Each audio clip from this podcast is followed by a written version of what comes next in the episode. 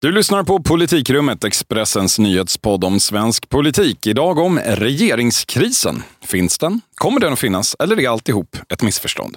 Häng med!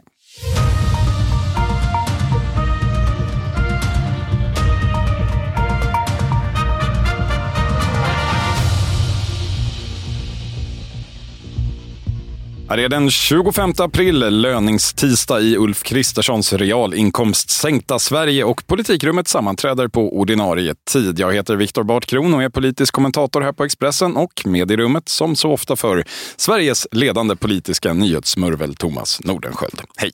Hallå, hallå. Ja, så det är bara norrmännen som får reallöneökningar i Europa, läste jag någonstans.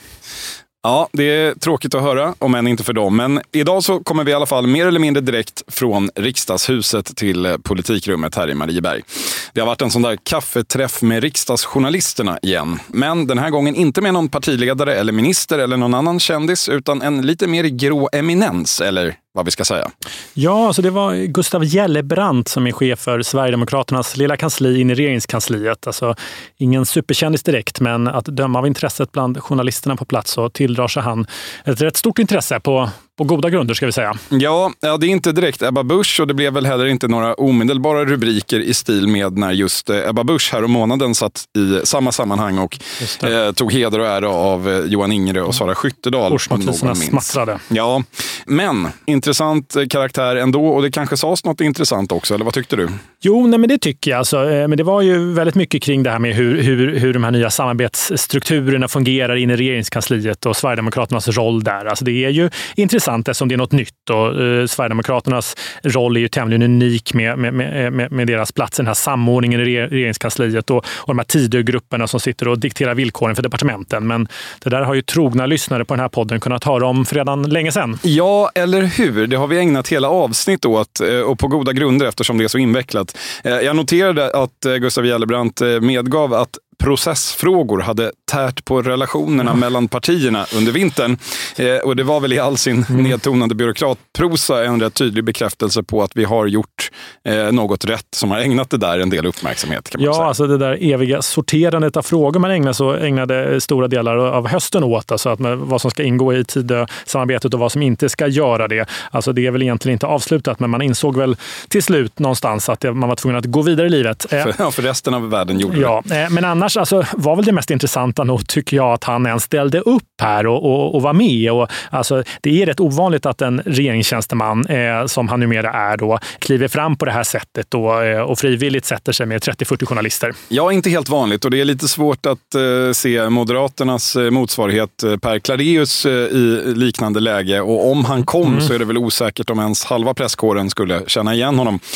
Gustav Gellebrant är ändå lite känd från åtminstone en dokumentär på Sveriges Television, även om just den dokumentären blev mest omtalad för att Vänsterpartiets partiledning satt och skröt över en starkölslunch och kallade Socialdemokraterna för fittor. Slutcitat. Ja, det där ja, herregud. Eh, men alltså Gellebrant eh, kliver ju i alla fall fram här på ett, på ett intressant sätt tycker jag liksom, och för partiets talan med, med, med stort självförtroende dessutom. Och, alltså, han har ju en, en uppenbart väldigt stark ställning i partiet idag. Ja. Alltså, den var stark redan innan valet och han var ju med sin bakgrund då i Moderaterna eh, en avgörande brobyggare där mellan Sverigedemokraterna och Moderaterna inför valet och eh, hade ju dessutom erfarenhet av regeringskansliet, vilket få sverigedemokrater har. Eh, och sen så var, var det han som mer än någon annan drev eh, SDs talan där i, i Tidöförhandlingarna. Ja, och det anses ju då i den allmänna historieskrivningen ha varit han och nämnde Per Cladeus från Moderaterna som mm. satte sig och löste ut de sista stora svåra knutarna under denna slottsvistelse. Mm. Eller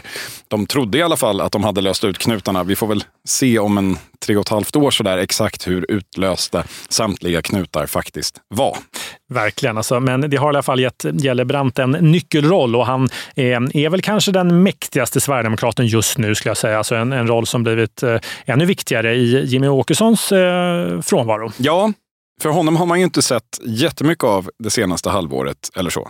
Nej, alltså han har varit borta mycket från Stockholm. Alltså, julpyntet i hans rum i riksdagen hängde uppe till februari någon gång, tror jag det var. Alltså, eh, för Åkesson var ju inte på plats. Alltså, vi var på vippen att eh, skriva om det där, eh, för vi noterade det och tyckte det var konstigt. Man ser in till Åkessons rum från eh, det där utrymmet utanför eh, kammaren. Men, men så en dag så tog de till slut ner det där eh, i samband med sportlovet, tror jag det var. Ja, jag, jag ska inte kasta någon sten här. Min eh, ljusslinga på balkongen den överlevde nästan påsk. Jo, Bara nästan. Jo, men ljusslinga är en sak och julstjärna en annan.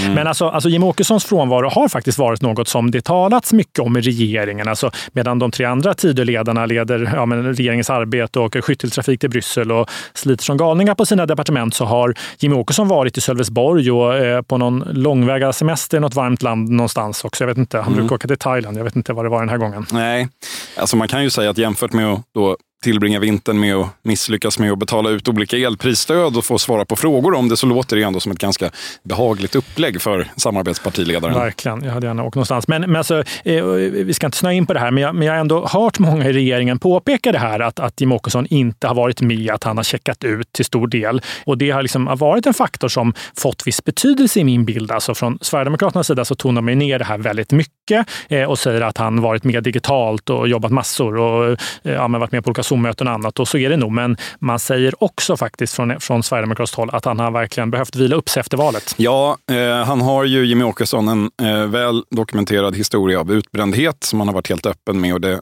ska väl i alla fall delvis ses i ljuset av det kanske. Ja, alltså sen har ju han alltid varit en som varit lite av en periodare jobbmässigt. Alltså han jobbar väldigt hårt eh, för att sen behöva vila upp sig. Och, eh, han har ju liksom, man har ju byggt en hel struktur i partiet för att Jimmie Åkesson ska klara av det här uppdraget som man har haft väldigt länge. En, någon slags mur runt honom för att skydda honom. Och det, eh, det har liksom byggt mycket på att han avlastas. Alltså Henrik Winge har ju tagit mycket till exempel. Han som varit partiets gruppledare, men nu lämnar det. Ja, för att istället leda den så kallade kallade Trygghetsutredningen. Alltså det är Sverigedemokraternas eh, första ordförandepost i en parlamentarisk kommitté där i riksdagen.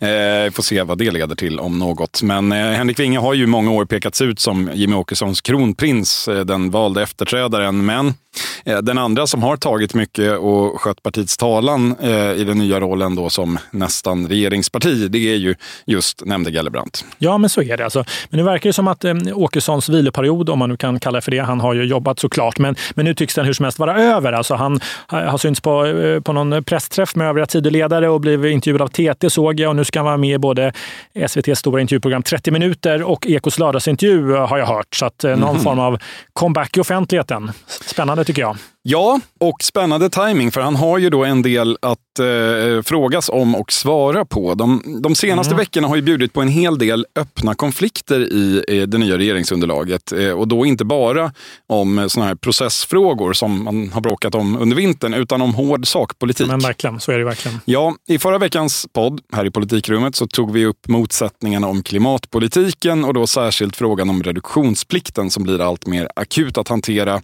och vad det verkar eh, där läget är tämligen låst. Ja, men, jo, men så är det ju verkligen. Alltså, det förhandlas om det här i, i detta nu. Alltså, när, den här podden spelas in tisdag eftermiddag så sitter man och förhandlar, har jag fått höra. Och eh, man är inte så nära att enas som det förefaller. Och, alltså, eh, Gustav Gellebrant bekräftade det vi sa förra veckan, alltså klimatet och EU. Och särskilt när de två frågorna blandas, som i fallet med reduktionsplikten, då blir det jobbigt för de här fyra partierna. Ja, han sa det. Men eh, den senaste veckan har ju annars präglats mer av en gammal bekant kan man säga, nämligen migrationspolitiken. Mm.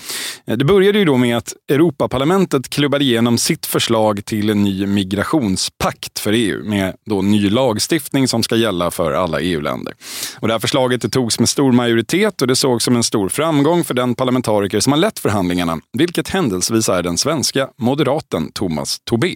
Just det, men alla var inte lika glada som Tobé. SD var inte alls glada, Nej. tror jag. Eh, det var borgerliga, liberaler, gröna och socialdemokrater med mera som stod bakom det här eh, paketet medan Sverigedemokraterna och deras mer nationalistiskt sinnade vänner i Bryssel var skarpt kritiska. Ja, alltså Sverigedemokraternas Europaparlamentariker Charlie Weimers eh, och Thomas Tobé möttes ju också i en rätt het debatt i Aktuellt här förra veckan var det väl. Det var mm. rätt länge sedan man såg en sverigedemokrat och en moderat mot varandra på det här sättet. Det var lite kul.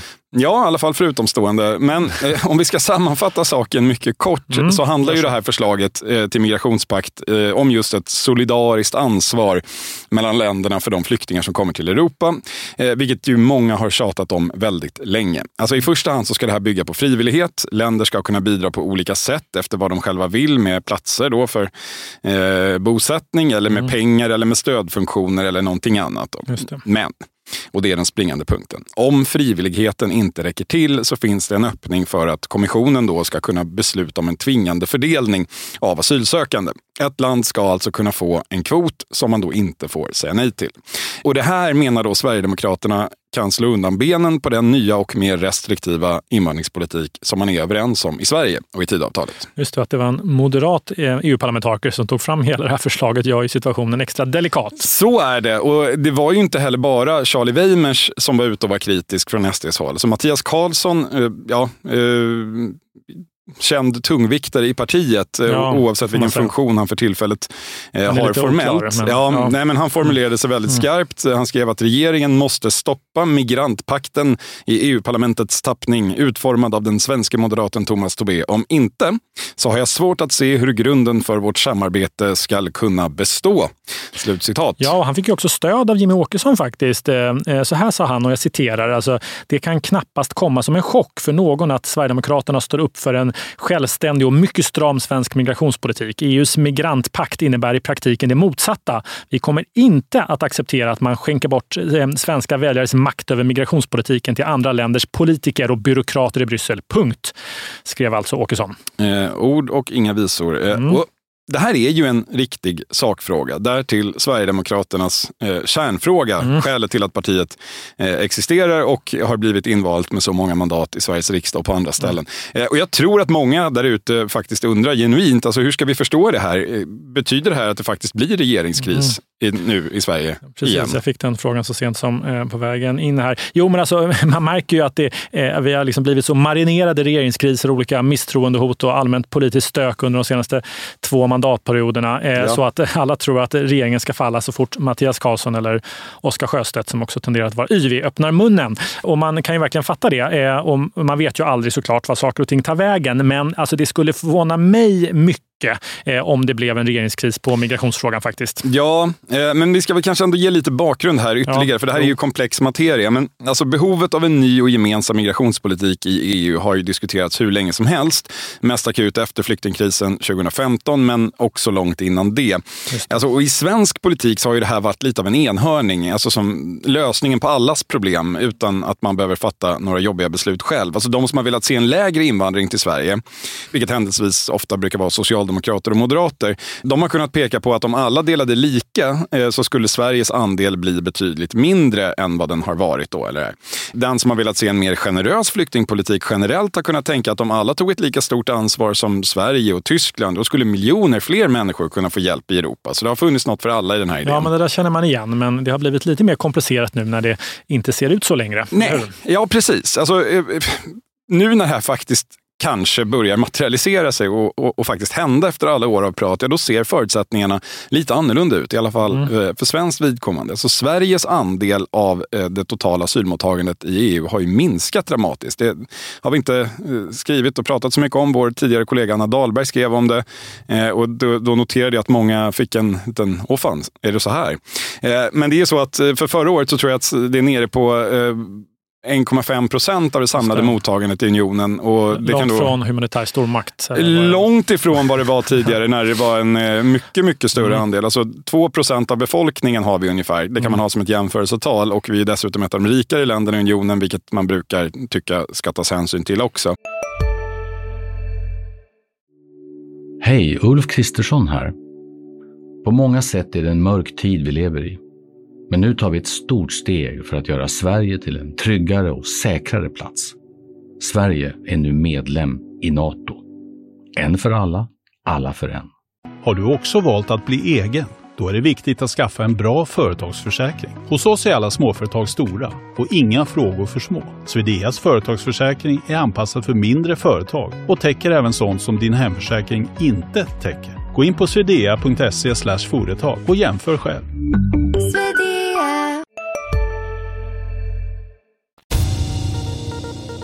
Sverige anser ju då, driver att man ska kunna tillgodoräkna sig tidigare mottagande, alltså de åren när man haft eh, ett stort inflöde. Men även det kan bli lite knepigare än vad vi har tänkt oss för de stora vågorna av just asylsökandet i Sverige, mm. de börjar ligga en del år tillbaka i tiden. Det var 2015, det var åren före det. Det är snart tio år sedan och det är inte mm. säkert att andra länder tycker att det där är så jätterelevant i nuläget. Så, ja, all in all, det går att förstå varför Sverigedemokraterna ändå känner en oro här från jo, sitt perspektiv. Ja, men visst, alltså, men alltså mina, ska säga, mina regeringskällor tycks ändå ta hela den här stormen och hotet eh, om regeringskris med relativt stort lugn. Ska säga. Alltså, det har inte börjat packa flyttkartongerna än i alla fall. Eh, och Maria Malmer Stenergard, då, migrationsministern, eh, hade eh, passande nog varit på besök på Sverigedemokraternas riksdagsgrupp här förra, eller om det var möjligt var kanske för förra veckan. Eh, hur som helst, så, eh, då, fick hon eh, frågor om den här migrationspakten av just Mattias Karlsson på det här mötet. Och hon ondgjorde sig då en hel del över den då, sägs det, vilket vann då stor uppskattning i Sverigedemokraterna. Och alltså, vad jag får höra så var man från regeringshåll rätt inställda på att Sverigedemokraterna skulle slå bakut på det sättet som skedde här. Ja, vilket de onekligen gjorde. Alltså, ja, ja så verkligen. Men, men det upplevs ju ändå, tycker jag, inte finnas finnas någon, någon stor spricka här mellan Sverigedemokraterna och regeringen, eller i alla fall inte mellan den moderata delen av regeringen och Sverigedemokraterna. Så min bild är också att Maria Malmer Stenergard, eh, då migrationsministern här, är ett av de statsråd som har liksom, verkligen en god och fungerande relation med Sverigedemokraterna. Det där varierar lite, som vi varit inne på. Eh, eh, men alltså, Sverigedemokraterna de gillar henne och migrationsfrågan har man ju liksom i grunden en stor samsyn i.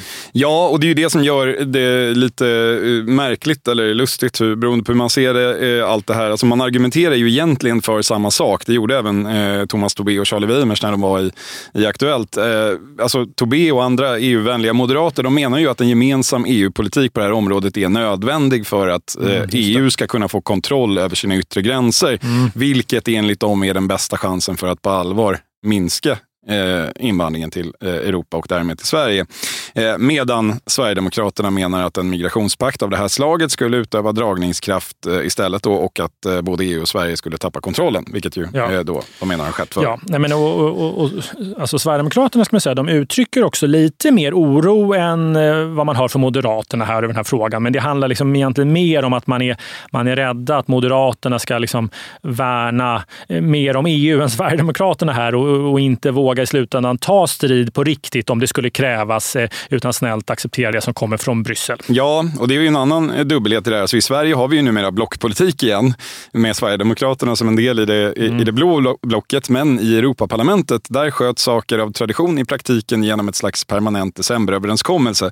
Eh, alltså där eh, Sverigedemokraterna inte får vara med och få gehör eh, mm. när det verkligen gäller och inte deras då, ideologiska vänner heller. Så har det varit hittills eh, och så har det varit i det här fallet. Men hur det blir i framtiden, ja, det återstår ju att se. Det finns vissa förhoppningar från SD-håll om att det ska förändras i Bryssel, men det får vi nog ta i ett annat avsnitt. Ja, men det, där är faktiskt det är intressant. Alltså, EU fungerar ju också lite så att, eh, liksom, att eh, parlamentet, EU-parlamentet anses ju producera politiska produkter som en följd av det du säger i mer liberal och vänsterlutande riktning. Eh, men som då rådet med medlemsländernas stats och regeringschefer sedan, liksom, när de sätter tänderna i det så tenderar saker att dra åt höger istället. Alltså, Sverige är ju inte det enda landet med en regering som vilar helt eller delvis på nationalistisk grund. Nej, och, vissa av de andra är ju dessutom, eh, vilar ju i, i högre grad och är väldigt mycket större. Till exempel då Italien mm. eh, med sin nya eh, högerkonservativa regering och Polen, ett känt ja. eh, exempel i EU-sammanhang. Ja, eh, ja och, och, här försöker då Moderaterna eh, också lugna Sverigedemokraterna enligt mina källor. Och, och man säger åt dem, Moderaterna säger alltså åt Sverigedemokraterna att ha liksom is i magen, vilket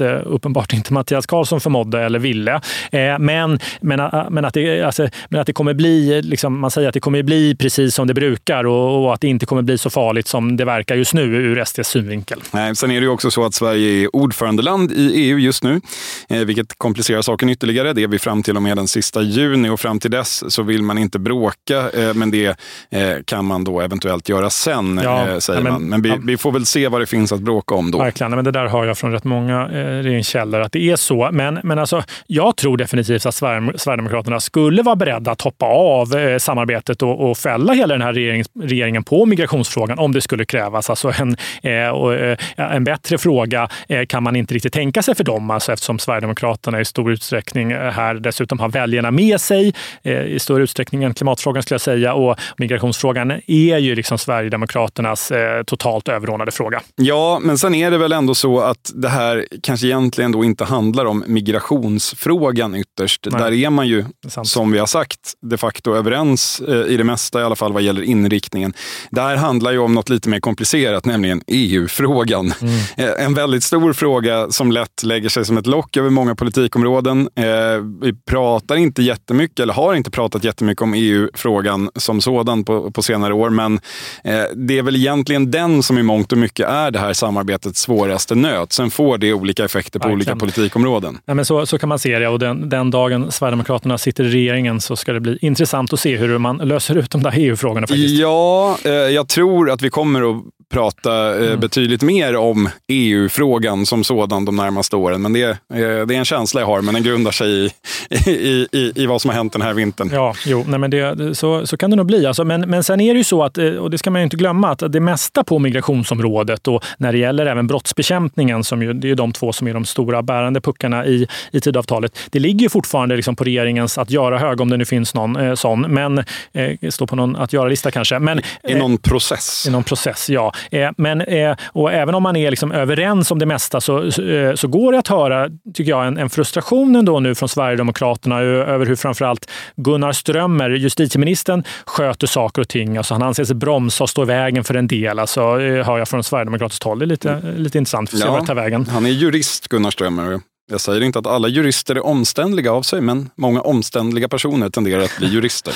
Ja, jag känner för många jurister för våga säga något sånt. Men, men Gunnar Strömmer omger sig dessutom av hundratals andra jurister ska man säga på justitiedepartementet. De är väl en mur av jurister. 300 eller sånt där, 350. Eh, liksom, det är opolitiska tjänstemän som ju har dragningar för sina ministrar, i det här fallet Strömmer, då, hela tiden. Det är så det ser ut på ett departement. Och, eh, det är ju liksom, eh, eh det skapar ju en viss tröghet i systemet såklart. Alltså det, det är förmodligen lättare att tala om paradigmskiften och, eh, på ett slott innan man eh, träffat sina opolitiska tjänstemän än det är när man har träffat dem, misstänker jag. Och Strömmen var väl dessutom inte med på slottet. Nej, eh, och det var kanske i grunden ingen högoddsare att mötet mellan eh, den svenska beredningsprocessen och ett i grunden rätt revolutionärt eller kontrarevolutionärt, beroende på hur man ser det, parti som Sverigedemokraterna, att, den, att det mötet skulle skapa viss friktion eh, på det här området och andra. Nej, men verkligen. Alltså det, det, men det är verkligen tydligt tycker jag när man pratar med sverigedemokrater att det, det, det liksom är en ständig krock mellan deras vilja och tro att man kan ändra väldigt mycket och, och dessutom göra det snabbt och då regeringens verklighet som de lever i, eh, där saker och ting tenderar att ta väldigt eh, mycket mer längre tid och det är mycket mer trögrörligt och svårföränderligt än, än, än, det liksom, ja, än det verkar för ett parti på utsidan. Har vi några konkreta exempel här i närtid? Ja, de har inte suttit så länge, men Nej, men, några nej, men alltså Ett exempel nu faktiskt som är uppe eh, är ju eh, det här frågan om att återstarta Ringhals två nedlagda reaktorer, alltså Ringhals 1 och 2. Alltså mm. det, eh, det är en fråga som, eh, som är eller har varit uppe på partiledarnivå enligt mina källor. Eh, Okej, okay. ja. Mm. Eh, och det är en fråga som diskuteras nu, jag fick vi höra av Gustav mm. Gellebrant idag, där, där eh, alla Tidöpartierna ju inför valet pratade om just en återstart av de här två eh, atomreaktorerna i Ringhals. Men, men nu är det bara Sverigedemokraterna som gör det. Men det är det. Alltså Ebba Busch är ju en av dem som tvingas anpassa sig efter vad jag förmodar är olika eller sakkunniga på hennes departement eller kanske myndighetsexperter eller rent av Vattenfall. Eh, I vart fall så, eh, så vill hon inte längre återstarta de här Ringhals nedlagda Ringhals kärnkraftsreaktorerna. Och det, det, är liksom, eh, det är nämligen så att de här reaktorerna har, som har lagts ner och bygger på någon gammal teknik och ja, men det anses alltså dyrt och riskabelt. Och, och värst av allt är att det eh, skulle då eh, omöjliggöra, i alla fall kraftigt försvåra och försena byggandet av nya reaktorer på Ringhals under den här tiden, säger man. Ja, och vi har sagt det förr, det har varit en väldigt lång vinter för Ebba Busch på väldigt många sätt. Ja, men här blir det tydligt då återigen att Ebba Busch sitter på insidan av regeringen och tvingas eh, lägga sin, sin liksom valretorik åt sidan och istället se mer pragmatiskt på frågan. Eh, och då eh, har man väldigt svårt att övertyga Sverigedemokraterna som verkligen inte velat släppa det här med återstart av Ringhalsreaktorerna. Eh, som, som man ju liksom, även Ebba Busch och alla stod och lovade eh, inför valet att man skulle verkligen försöka starta. Det, där har SD lite svårt att hänga med och det kanske man kan förstå. Eh, Eh, och, och, och, um, det här märker man ju fråga efter fråga. Så att det, det händer något med partier som, liksom, ja, som tar över regeringsmakten och flyttar in i Rosenbad. Hej, Synoptik här. Hos oss får du hjälp med att ta hand om din ögonhälsa. Med vår synundersökning kan vi upptäcka både synförändringar och tecken på vanliga ögonsjukdomar. Boka tid på synoptik.se.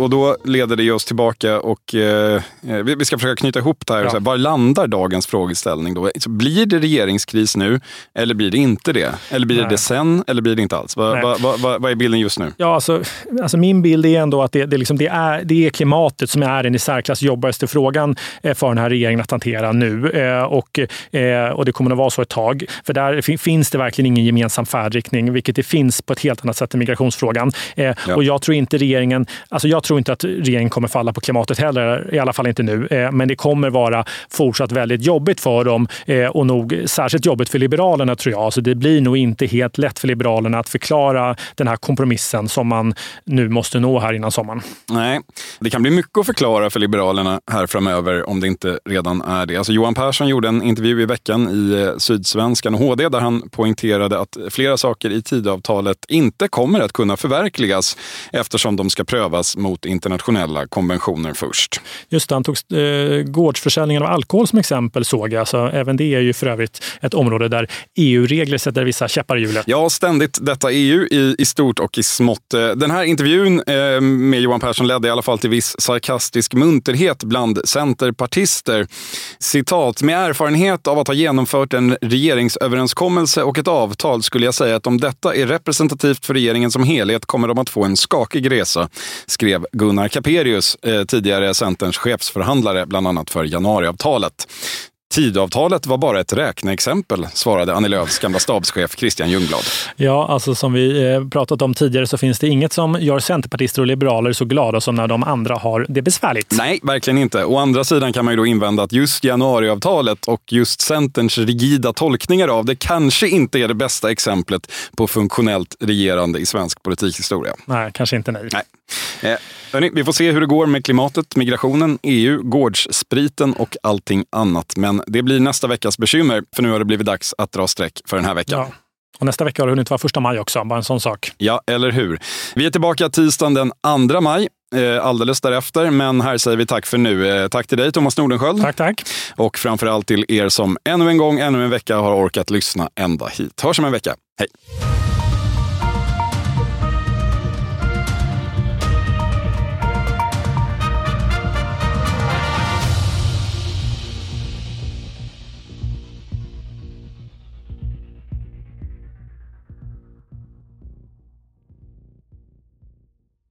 Du har lyssnat på en podcast från Expressen. Ansvarig utgivare Klas Granström